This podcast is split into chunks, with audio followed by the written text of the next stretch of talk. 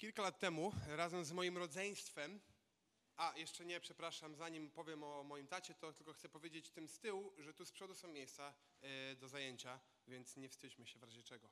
Wracając do historii. E, kilka lat temu kupiliśmy mojemu tacie z rodzeństwem taką, taki wieszak na jego medale.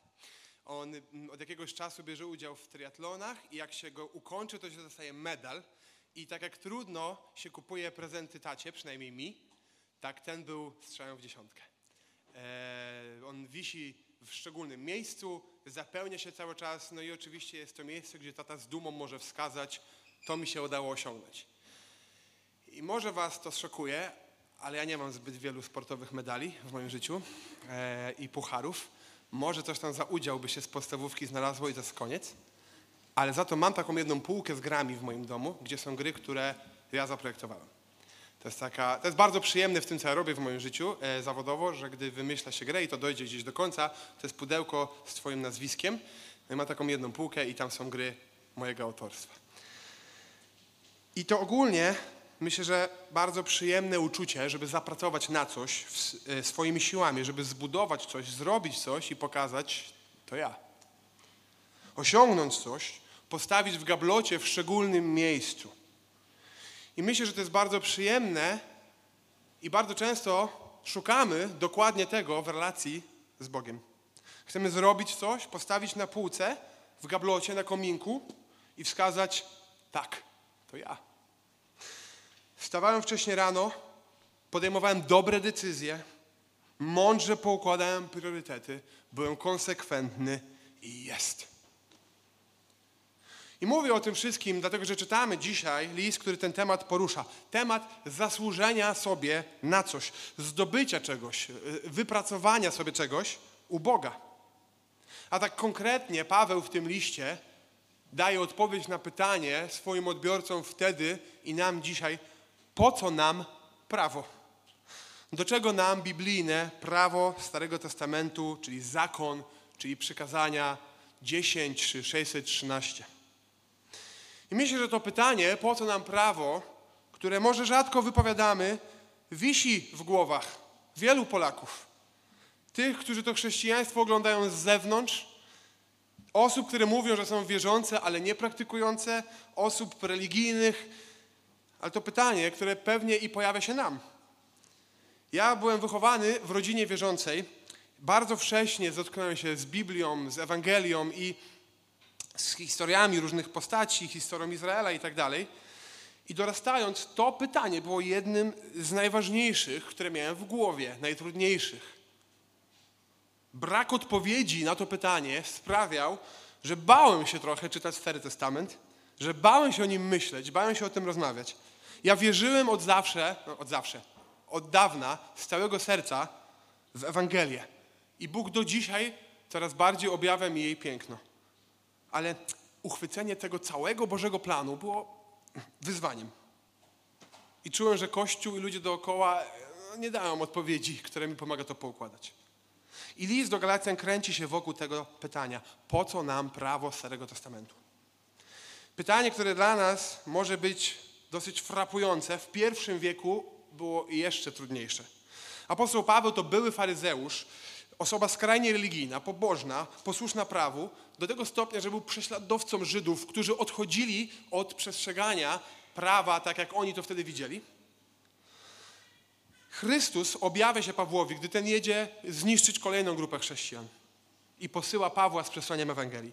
I gdy Paweł podróżuje, to w swojej pierwszej podróży misyjnej dociera do różnych miast i zawsze najpierw idzie do żydowskiej synagogi, i potem do pogan. I z tych grup, z osób, które chcą iść za Chrystusem, powstają kościoły, w których zderzają się, mieszają się te dwie kultury. Nowy twór, na prze, który wzrasta na przesłaniu w tym tamtym momencie Starego Testamentu i tego, co Paweł głosi.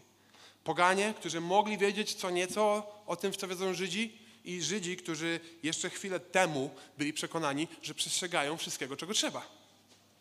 I Galacja to teren dzisiejszej środkowej Turcji. Paweł dotarł tam, dotarł tam do, do takich miast jak Ikonium, Listra i Derbe i tam powstają kościoły. Paweł wyjeżdża i niedługo potem pojawiają się problemy, pytania, pojawia się fałszywa nauka. I szczególnie ważne jest, szczególnie ważne jest właśnie to pytanie, po co nam prawo? Paweł z pewnością wykładał im cały Boży plan zbawienia. Jak Bóg prowadzi historię od stworzenia, upadku człowieka, poprzez rodzinę, naród, króli, królów, podboje, rozbicie, wygnanie itd., tak itd. Tak Ale to pytanie wciąż jest dla nich bardzo ważne i wraca. I jak widzimy, ta nauka, która się tam pojawia, którą znają e, ci chrześcijanie i żydowskiego, i pogańskiego pochodzenia, ona jest sprzeczna z Bożym planem nie jest sprzeczne tylko z tym, co mówił Jezus. To, w co oni wierzą, jest sprzeczne z całym Bożym planem. I odpowiadając na to pytanie, przejdziemy przez trzy wątki, które mamy w tym liście. I z jednej strony chcemy sobie odpowiedzieć dzisiaj na to pytanie teologiczne czy doktrynalne, po co nam prawo Starego Testamentu. Z drugiej strony, może ważniejszej, ten temat jest, jest sprawą serca. Niezależnie od tego, co myślimy o prawie Starego Testamentu, to problem jest cały czas ten sam. Ciągnie nas do tego, żebyśmy na coś zasłużyli. Zrobili coś i wskazali, to ja. Ciągnie nas do tego, żeby przyjść do Boga i pokazać, patrz jaki ja jestem. I pierwsza część tego listu od razu wrzuca nas na głęboką wodę. Paweł nie mówi, że odpowiada na jakieś pytania, które mają.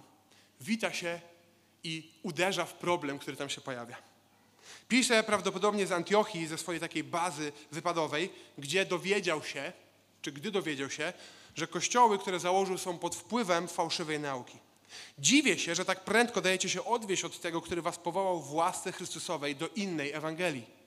Chociaż innej nie ma. Są tylko pewni ludzie, którzy was niepokoją i chcą przekręcić Ewangelię Chrystusową. Więc pewni nauczyciele przekonują chrześcijan w tamtych miastach, że do zbawienia potrzeba Czegoś jeszcze. Czegoś jeszcze potrzeba, żeby mieć pokój z Bogiem. Poza przyjęciem łaski, łaski Bożej okazanej w Jezusie Chrystusie, poza przyjęciem tego przez wiarę, czegoś jeszcze potrzebują. Potrzeba jeszcze przestrzegać prawa. Potrzeba się o może obrzezać. Potrzeba przestrzegać jakichś świąt. Czegoś nie można jeść, czegoś nie można robić i dopiero wtedy Bóg może nas przyjąć. I myślę, że ci nauczyciele z jednej strony głosząc to, mogli mieć pokusę tego, że staną na czele tego nowego, wzrostowego ruchu, którym jest chrześcijaństwo. Zajmą ważne miejsce, od razu zdobędą kluczową rolę. Ale z drugiej strony nie narażą się Żydom wpływowym.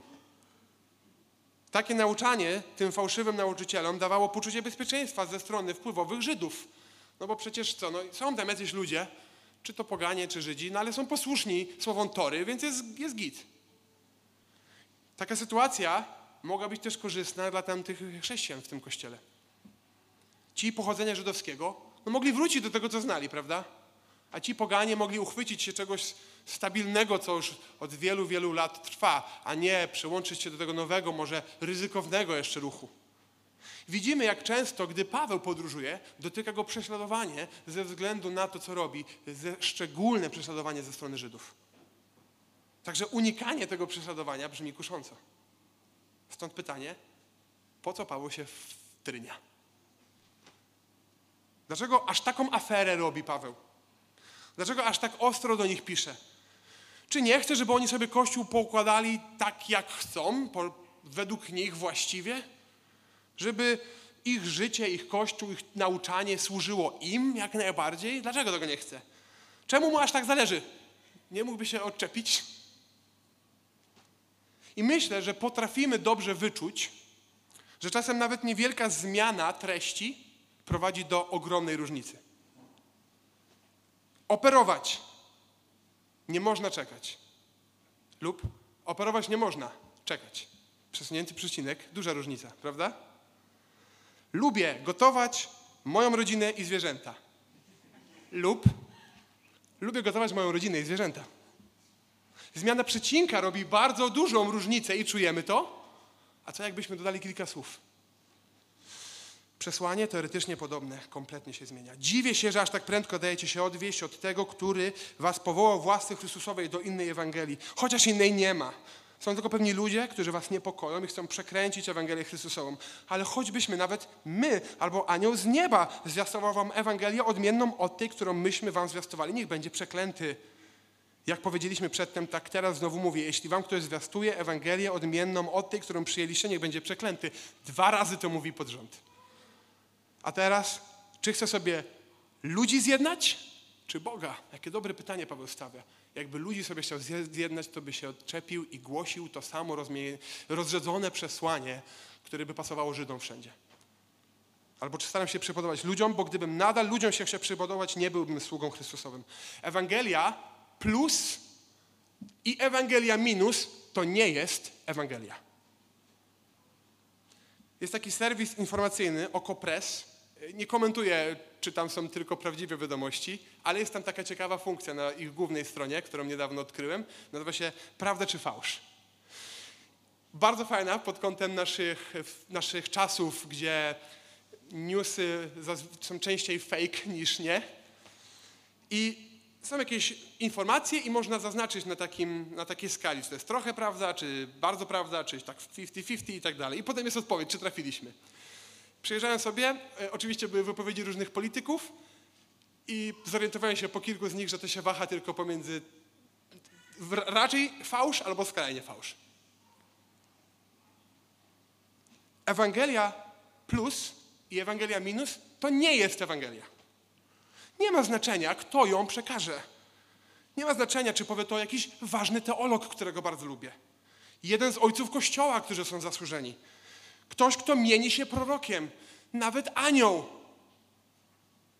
Jak ktoś powie nam, że powołuje się na tradycję, na objawienie, na cuda, to wskazujemy na słowa Pawła i pytamy o Ewangelię.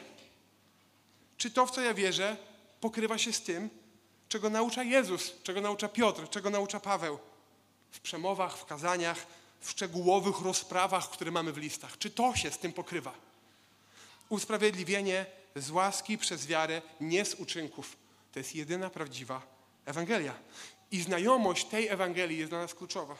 Ciągłe wracanie do Ewangelii, do dziejów, szczególnie do takich listów jak Rzymian, Galacjan, Efezjan. Nasze serce chętnie nas zwodzi, dlatego tym mocniej musimy trzymać się jedynej prawdziwej Ewangelii. I dalej Paweł mówi, że on tę Ewangelię otrzymał nie od ludzi, ale od Boga. A oznajmiam wam, bracia, że Ewangelia, którą wam zwiastowałem, nie jest pochodzenia ludzkiego.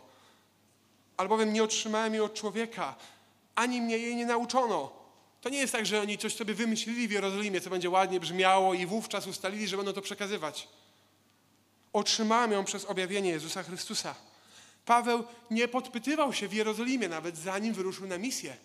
Jezus zatrzymuje go na drodze do Damaszku, gdzie chciał prześladować kolejnych chrześcijan, objawia mu prawdę Ewangelii i go posyła. Sam Bóg totalnie zmieniając jego życie. Z religijnego życia nauczyciela żydowskiego, gdzie miał status, gdzie miał finanse, gdzie miał karierę, do życia podróżnika w ciągłej atmosferze zagrożonego życia. Pisze Paweł, że dopiero 14 lat od nawrócenia zawitał do Jerozolimy. Nikt jego greckiego podopiecznego Tytusa nie zmuszał do żadnego obrzezania. Spotkał się z apostołami i stwierdzili, my głosimy to samo. W innych miejscach, pewnie czasami innych słów używamy, do innych grup docieramy, ale my głosimy to samo. Paweł tak bardzo zabiegał o prawdę dobrej nowiny, że nie bał się, gdy dostrzegł, że Piotr trochę się mija z tą Ewangelią, nie bał się napomnieć go przed Kościołem. Gdy Piotr zaczął unikać przy wpływowych Żydach siadania z poganami do stołu. I dalej w drugim rozdziale, w szesnastym wersecie mówi wiedząc wszakże, że człowiek zostaje usprawiedliwiony nie z uczynków zakonu, a tylko przez wiarę w Chrystusa Jezusa. I myśmy w Chrystusa Jezusa uwierzyli, abyśmy zostali usprawiedliwieni z wiary w Chrystusa, a nie z uczynków zakonu, ponieważ z uczynków zakonu nie będzie usprawiedliwiony żaden człowiek. Jaśniej się nie da. Usprawiedliwienie z łaski przez wiarę, nie z uczynków. Zakon czy prawo nie usprawiedliwia. Przestrzeganie tych zasad jest niemożliwe. W Rzymian, trzecim rozdziale, Paweł mówi: Z uczynków zakonu nie będzie usprawiedliwiony przed nim żaden człowiek, gdyż przez zakon jest poznanie grzechu. Poznanie grzechu. Dostrzeżenie tego, że mam problem. Ale nie wyleczenie grzechu, nie zmiana serca, nie usprawiedliwienie, nie ratunek. I chwilę później Paweł wyjaśnia, że to usprawiedliwienie z łaski przez wiarę, nie z uczynków, to nie jest nowy pomysł, ale to jest oryginalny, Boży plan od początku.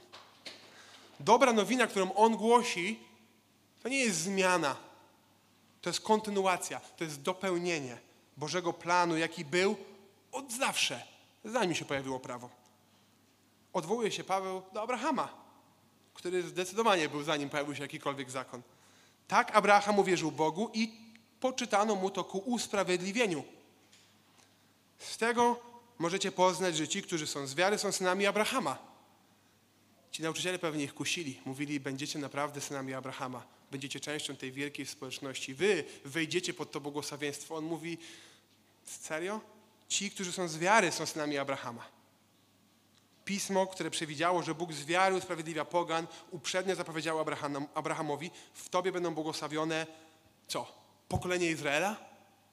Tylko Żydzi? Tylko ci, którzy by przestrzegali? Wszystkie narody. Tak więc ci, którzy są ludźmi wiary, dostępują błogosławieństwa z wierzącym Abrahamem. I dalej wyjaśnia, o jakiego potomka chodzi Abrahama. Otóż obietnice dane były Abrahamowi i potomkowi jego. Pismo nie mówi i potomkom, jako o wielu, lecz jako o jednym potomkowi Twemu, a tym jest Chrystus. I gdy ktoś skaże na jakieś prawa, zasady, rytuały, obrządki, święta Izraela i powie, ja tego przestrzegam, ja jestem prawdziwie częścią Bożego Ludu, to my razem z Pawłem mówimy, wcześniej był Abraham, od początku chodziło o wiarę, usprawiedliwienie z łaski za darmo, przyjęte przez naszą wiarę. Nie obrzezanie, nie przestrzeganie, nie wypełnianie tego czy tamtego. Musimy pamiętać o tym, że Kościół to nie jest miejsce najświeższych wiadomości, jakiegoś nowego, jakichś nowych informacji, które się zmieniają. My nie musimy wycofywać się za tydzień z tego, co mówiliśmy dzisiaj, bo jakieś nowe fakty się pojawią. Nie. Czasem powiemy coś niejasno, ja pewnie częściej niż rzadziej. Czasem może użyjemy złych słów, czasem może nie tak dobierzemy ton, czasem w tematach trzeciorzędnych się różnimy, ale dobra nowina pozostaje ta sama. I Paweł podkreśla, że to nie jest po prostu wiadomość, ale wiadomość, która jest żywa. Z Chrystusem jestem ukrzyżowany. Żyję więc już nie ja, ale żyje we mnie Chrystus. A obecne życie moje w ciele jest życiem w wierze, w Syna Bożego, który mnie umiłował i wydał samego siebie za mnie. Ta dobra nowina to nie jest po prostu nowina, którą mamy utrzymać. Chociaż mamy ją trzymać i mamy kultywować to, że jaka ona jest, nie odchodzić od niej ani o krok w bok. Ale to nie jest po prostu nowina. To jest nowina, która jest naprawdę, naprawdę dobra. Ona zdejmuje z nas ciężar religijnej powinności. To jest prawda o tym, że Jezus uczynił wszystko. To jest prawda o tym, że już się dokonało. Ja nie muszę niczego przynieść, bo nie byłbym w stanie. Ja muszę zaufać. I ta nowina nie tylko jest bardzo dobra, ale jest żywa. Żyje już nie ja, ale żyje we mnie Chrystus. Ona zmienia cały mój, całe moje spojrzenie na świat na życie, na rzeczywistość, to kim jestem, to jak żyję, to o co się opieram, to w czym jest moja tożsamość, to w czym jest moja nadzieja, to w czym jest moja radość, ona zmienia to w czym jest mój pokój. Ten list to nie jest tylko szansa, chociaż również jest, szansa na spojrzenie na to, w jaką dobrą nowinę wierzę, a powinienem skonfrontować to, co wierzę z tym, co głosi apostoł Paweł, co głoszą apostołowie, co głosi Chrystus. Ale to także szansa na to, żeby upewnić się, czy ta dobra nowina jest najważniejszą, jest centralną prawdą mojego życia. Czy to jest to, w czym się ukryłem? Czy to jest to, na czym stoję? I to pytanie, po co nam prawo Starego Testamentu, pada tutaj wprost w tym rozdziale. Już trochę do niego nawiązywaliśmy. W trzecim rozdziale Paweł sam je zadaje. Czym, czymże więc jest zakon? To w tym przekładzie jest. E, w innych, myślę, że trochę bliższych oryginałowi, tłumaczą to niektórzy po co nam prawo? Czymże jest zakon? Co z nim? Co mamy zrobić? Po co nam to prawo? Został on nadany z powodu przestępstw, aż do przyjścia potomka, którego dotyczy obietnica, a został on dany przez aniołów do rąk pośrednika. Zakon został dodany z powodu przestępstw, czyli z powodu grzechu. Innymi słowy, tutaj Paweł mówi to samo, co pisze w Rzymian 3:20. Mówi to samo, co widać w wypowiedziach Mojżesza w piątej Mojżeszowej, gdy przemawia do narodu Izraela. Prawo nie ratuje, prawo uwypukla grzech. Wskazuje, obnaża, pomaga wam dostrzec, pomaga nam dostrzec, jak bardzo nie jesteśmy święci, jak wiele nam brakuje. Pomaga nam dostrzec, że sobie nie poradzimy. Został on dodany z powodu przestępstw aż do przyjścia potomka, aż do przyjścia Jezusa. Czyli na pewien czas. Nie od zawsze, to już ustaliliśmy, nie na zawsze. Dalej Paweł mówi, zanim zaś przyszła wiara, byliśmy wspólnie zamknięci i trzymani pod strażą zakonu, dopóki wiara nie została objawiona. Tak więc zakon był naszym przewodnikiem do Chrystusa, abyśmy z wiary zostali usprawiedliwieni. Zakon, prawo był strażnikiem. Coś, co ograniczało, dawało pewne ramy. Coś, co chroni przed zrobieniem czegoś głupiego, przed zrobieniem czegoś złego. Tak jak prawo, które mamy w państwie ustanowione. Tak jak zasady, które w naszych miejscach pracy budujemy, czy w naszym domu rodzice budują. Jako coś, co nas chroni. Zostało to dane jako strażnik, który jest przewodnikiem do Chrystusa. Przewodnikiem. Wyobraźmy sobie, że pojechaliśmy do jakiegoś nowego miejsca, na jakąś wycieczkę wakacyjną i ktoś jakiś z lokalnych mieszkańców powiedział nam, słuchaj, tam jest taka piękna plaża, najpiękniejsza ze wszystkich. I powiem ci, jak tam dotrzeć.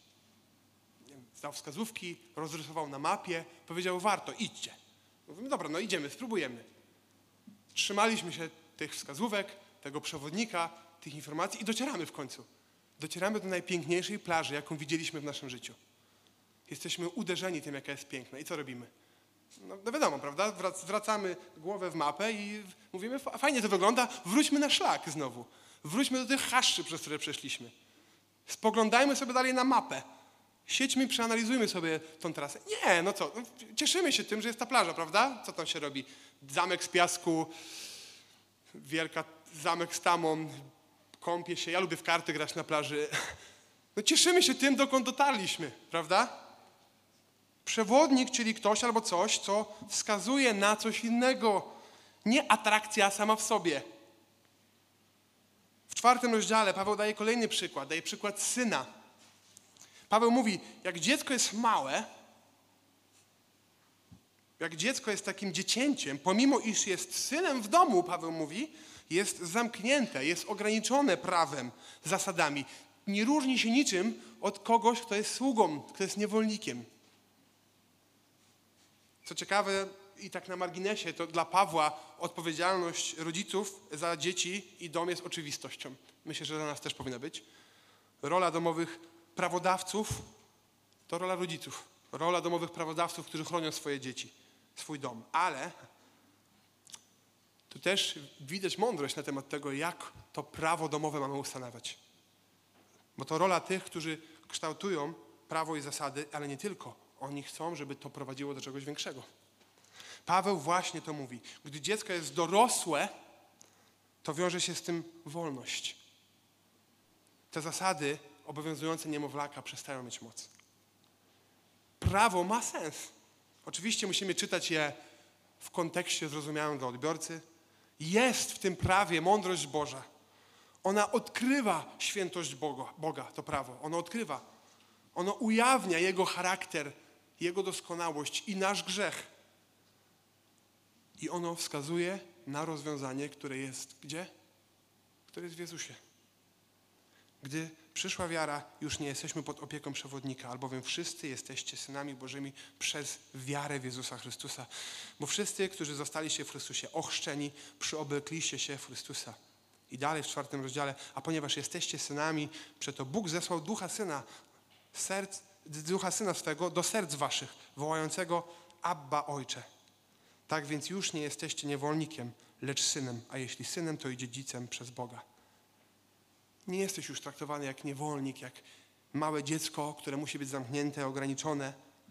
Tak powinien o sobie myśleć każdy Izraelita, który nie poszedł za Chrystusem. Mamy, możemy się czuć jak syn, jak córka, jak dziedzic, jak pełnoletni, pełnoprawny członek domu Boga.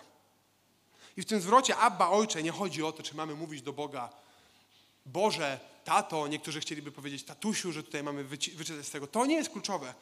Chodzi o istotę relacji, o nas, nasz status przed Nim. I powrót do prawa to powrót do relacji, który jest dystans, ograniczenia. Relacji, która nie jest bliska, relacji, w której nie możemy do Niego mówić Abba Ojcze, tylko możemy mówić Panie co najwyżej i tyle. Niektórzy sobie wmawiają, że wracanie do prawa to właśnie relacja ojca i posłusznego dziecka. Ale Paweł nazywa tę relację ojca i niemowlaka, i, niemow- i niewolnika, i kogoś, kto jeszcze musi być trzymany, aż w końcu dostrzeże. Ciągnie nas do postawienia tej gablotki, naszych zasług, naszych osiągnięć, naszej religijności, naszego pobożnego życia. Ciągnie nas do tego bardzo. Ciągnie nas do relacji, w której zasłużyliśmy na miłość Ojca, w której zapracujemy, w której osiągniemy. Ciągnie nas do postawy starszego syna w jednej z naszych ulubionych przypowieści, w której młodszy syn przychodzi i widzimy, że on potrzebuje miłości i łaski Ojca, i starszy syn zapomina, że potrzebuje łaski i miłości Ojca. Że ich relacja nie opiera się na tym, że on zasłużył, że musi przyjąć od Ojca łaskę, musi przyjąć od Ojca dar, błogosławieństwo tego, że jest Jego synem i ma to, co jest Jego. Pomyśl uczciwie, jak postrzegasz te relacje z Bogiem? Co Ty przynosisz do stołu? Ale ja się dużo udzielam w kościele. Ale ja dużo czytam. Ale ja prowadzę. Ja to prowadzę dwie grupki, a nie jedną tylko. Ja to mam taką ważną służbę obciążającą. Ja to jestem, nie to co inni.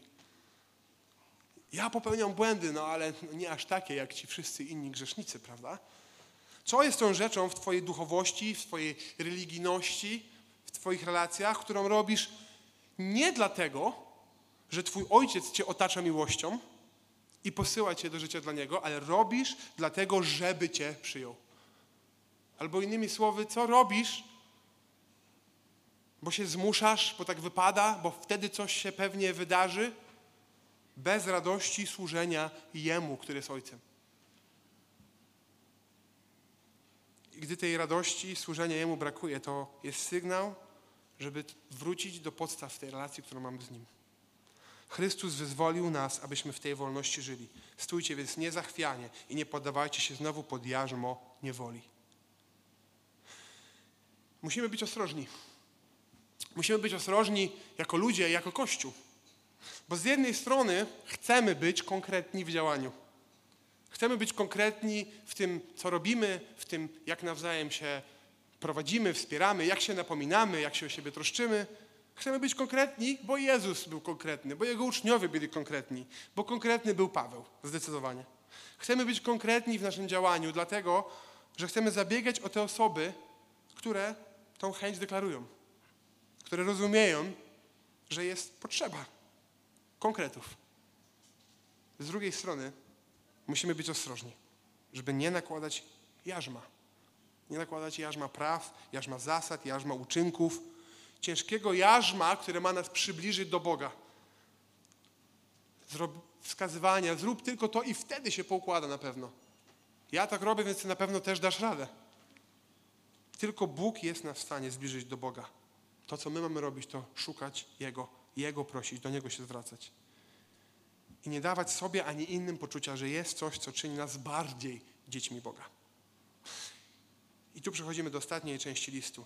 Do takiego momentu, w którym Paweł przechodzi do wniosków. I tak jak czytaliśmy, w Chrystusie jest wolność. I to, co widzimy w tym liście, to to, że w Chrystusie jest wolność od, ale jest też wolność do. Jest wolność od bycia zamkniętym w, w ramach tego, czy w tych kajdanach, czy w tym ograniczaniu tego przewodnika. Wolność od składania ofiar przebłagalnych w kółko. Wolność od sztywnych form dotyczących pracy, odpoczynku, struktur społecznych. Wolność od ograniczeń w jedzeniu, w piciu, w miejscu kultu. Ale równocześnie jest to wolność do życia dla Boga w pełni. Bo wy do wolności powołani zostaliście, bracia, tylko pod pozorem tej wolności nie pobłażajcie ciało, ale służcie jedni drugim w miłości. Pod pozorem tej wolności nie pobłażajcie ciału.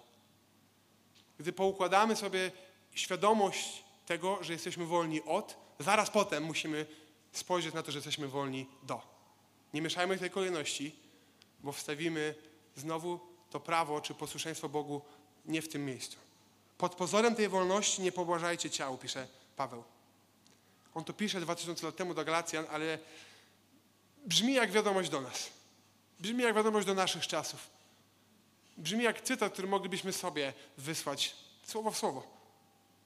Pobłażanie ciału, życie za ściankami, życie realizacją tego, co mi się chce, życie z myślą o sobie, życie konsumpcyjne.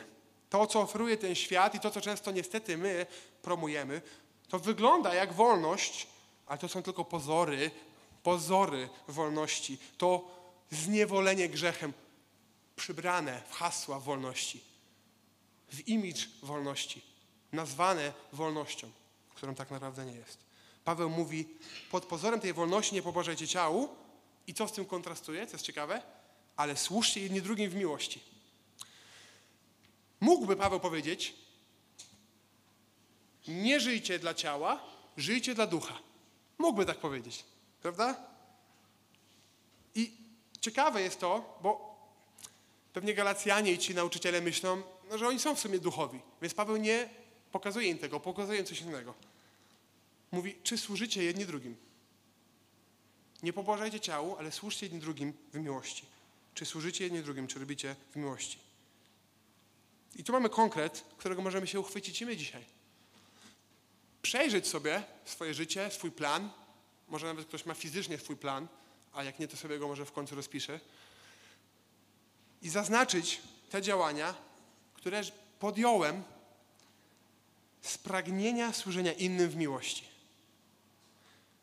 Nie doklejenia tego hasła do rzeczy, które i tak już w sumie robię i mi się chce i teraz mogę je zakreślić, żeby nie było, bo potem mnie pastor sprawdzi, czy co tam mam do, ze służenia z miłości. Ale szczerze, zadania sobie pytania, co robię zmotywowany tym, żeby służyć innym? Co robię zmotywowany tym, żeby się zatroszczyć o innych? Bardziej niż o siebie. Co robię zmotywowany miłością? Wsparciem kogoś konkretnie? Zachętą? Konkretną pracą? Pomocą materialną? Może czasami nawet trudną rozmową z miłości. Albowiem cały zakon straszy się w tym jednym słowie. Mianowicie w tym będziesz miłował bliźniego swego jak siebie samego. I ponieważ nie jesteśmy pod jarzmem prawa, możemy spojrzeć na jego istotę razem z Pawłem. Gdy wiemy, o czym to prawo było, dopiero wtedy możemy zastanowić się nad tym, jaka była jego istota i co możemy z niego wyciągnąć. Znów, nie pomieszać kolejności i nie przeczytać tego teraz, aha, dobra, to teraz jest łatwiej zasłużyć u Boga na zbawienie, bo trzeba tylko kochać innych. Uff, ja kocham już innych, zasłużyłem. Nie. Jeśli rozumiemy istotę prawa, możemy jeżeli rozumiemy, że nie jesteśmy pod jarzmem prawa, możemy spojrzeć na jego istotę. Na to, czego pragnie nasz Bóg, na to, jaki On ma charakter, a jego charakter jest taki: miłuj bliźniego jak samego siebie. Czy ja chcę, czy ja pragnę odzwierciedlać charakter mojego ojca? Dzielić się miłością nie, bo ją w sobie wykrzesałem, ale miłością, którą on mi dał pierwszy. Kochać nie, gdy są emocje, gdy są uczucia, ale kochać w działaniu. Paweł upewnia się w tej drugiej części listu do Galacjan, że ta dekonstrukcja z ich rozumienia prawa nie doprowadzi ich do po prostu biernego życia dla swojego brzucha. Bo to życie puste, bo to życie, które się Bogu nie podoba, bo to życie, w którym Jego dzieci się będą męczyć. I kończy konkretami. Czy służycie innym w miłości? A następnie pojawia się cała lista grzechów. Lista grzechów, na które muszę zwracać uwagę. Lista grzechów, co do których Paweł dosyć jasno mówi, jeśli w nich trwam, to wskazuje mi na to, że tak w sumie ja nie jestem Bożym dzieckiem. A później daje opis tego, jakich owoców mogę się spodziewać, będąc Bożym dzieckiem. Owocem zaś ducha są miłość, radość, pokój, cierpliwość, uprzejmość, dobroć, wierność, łagodność, wstrzemięźliwość. Przeciwko takim nie ma zakonu. Znów, nie przeciwko takim, którzy to zrobią, bo nikt tego nie zrobi. Ale tą sprawiedliwość mamy nadaną przez Chrystusa i te owoce wydaje On. A ci, którzy należą do Chrystusa Jezusa, ukrzyżowali ciało swoje wraz z namiętnościami i rządzami. Paweł konkretnie wskazuje na to, czego unikać, na co zwracać uwagę, co powinno być ostrzeżeniem i czego się spodziewać. I w ostatnim, szóstym rozdziale e, mówi po tym, jak już uderzył w fałszywą teologię, uderzył w pobłażanie ciału, uderzył w pychę swoich chrześcijańskich sukcesów, uderzył w życie dla siebie, a nie dla innych, w ostatnim rozdziale mówi, co w tym wszystkim ma robić Kościół. I my powinniśmy szczególnie też o tym pomyśleć dzisiaj. Jestem przekonany, jestem przekonany, że słuchają tego dzisiaj osoby, które zmagają się życiem według porządliwości ciała. Z tym czy z innym grzechem. Z mniejszą pokusą, a może z większą pokusą. I jestem przekonany, że słuchają tego osoby, które widzą kogoś, kto zmaga się z porządliwością i ciała, z porządliwością ciała. Kogoś, kto upada, kogoś, kto grzeszy, kogoś, kto się pogubił w życiu z Bogiem. Kogoś, kto pod przykrywką wolności sobie folguje. Kogoś, kogo pasja do służenia w miłości przygasa. I do nich wtedy, i tak samo do nas dzisiaj, padają słowa, bracia, jeśli człowiek zostanie przyłapany na jakimś upadku, wy, którzy macie ducha, poprawiajcie takiego w duchu łagodności, bacząc każdy na samego siebie, abyś i ty nie był kuszony. Jedni drugich brzemiona noście, a tak wypełnicie zakon Chrystusowy. Ostatnio sporo jeżdżę pociągiem i często, dosyć często ktoś ma problemy, żeby wielką walizę wrzucić na górę. Wyobraźmy sobie tę sytuację, nawet jak pociągiem nie jeździmy, potrafimy. Wchodzi jakaś starsza pani z dużą walizką i widzimy, że ona się tam mocuje. Co robimy? Mówimy, nie z pleców, tak z nóg niech pani podniesie. Trzeba się tak dobrze zaprzeć i drugą ręką proszę, nie tylko tą jedną. Chyba podchodzimy i wkładamy to razem z nią. A co robimy, gdy widzimy brata i siostrę w Chrystusie, którzy mają problem z niesieniem swojego bagażu? Nie będę się wtrącał w sumie, jakoś tak niezaproszony do tej sytuacji, prawda? Poczekam, aż ta osoba mnie zawoła, dopiero wtedy może podejdę pomóc. Ktoś inny niech pomoże. Na pewno jest ktoś silniejszy ode mnie w tym pociągu, to na pewno. Nie ja. Dlaczego ja mam pomagać, skoro sam przed chwilą wrzucawiałem swoją walizkę i mi nikt nie pomógł? Nośmy swoje brzemiona. Paweł mówi. Z jednej strony nie bójmy się prosić o pomoc, myśleć o tym, gdzie upadam, gdzie sobie nie radzę. Nie bójmy się szukać pomocy u innych i nie bójmy się też tej pomocy oferować. Może gubimy się w budowaniu sobie ołtarzyka naszych zasług, a może w tym, że wolność Chrystusowa jest dla nas tylko przykrywką do życia dla siebie. I w tym i w tym potrzebujemy siebie nawzajem, żeby te brzemiona nosić. Podsumowując, widzimy tutaj jasno, że prawdziwa Ewangelia mówi o usprawiedliwieniu z łaski przez wiarę. Nie z uczynków. To jest dobra nowina. Nowina, która jest czymś więcej niż po prostu wiadomość. Nowina, która zmienia życie. Co robię ja, żeby to, w co wierzę i to, o czym myślę, z tą prawdziwą, dobrą nowiną konfrontować cały czas? Po drugie, jak często wracam do tego, co ja powinienem do zrobienia czegoś, dzięki czemu zasłużę, do tego czy innego prawa. Gdy spoglądam na prawo po to, żeby dostrzec swój grzech i potrzebę łaski, żeby dostrzec je jako przewodnika do Jezusa, to patrzę na to prawo zgodnie z Bożym zamiarem. Ale gdy patrzę na prawo i myślę, co ja tutaj mam przestrzegać, a co nie, to mam spróbować. O, to mi się uda zrobić. Co narzucę sobie, żeby do Boga się przybliżyć, albo może innym narzucę, żeby oni bliżej Boga byli, to może sobie zbuduję gablotkę moich zasług, ołtarzyk mojej religijności, ale narzucę jarzmo, które się mija z Bożą intencją, z Bożym planem. Zastanów się po trzecie, czy Chrystusowa wolność od, ale Chrystusowa wolność do prowadzi rzeczywiście do świętości, do szukania owoców ducha, do noszenia brzemion innych. Zmaganie z pytaniami teologicznymi, które mamy, to brzemię.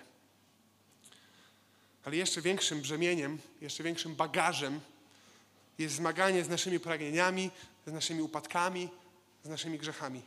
I Kościół, i nasze relacje, nasze spotkania, nasze rozmowy, nasze grupki to ma być miejsce noszenia brzemion.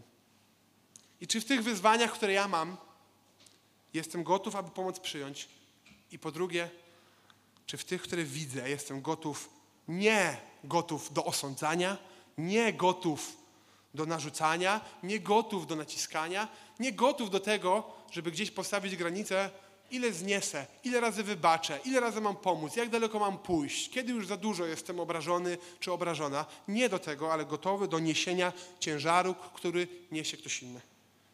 Tyle, ile jestem w stanie, tak długo, jak tego potrzeba. Powstańmy do modlitwy.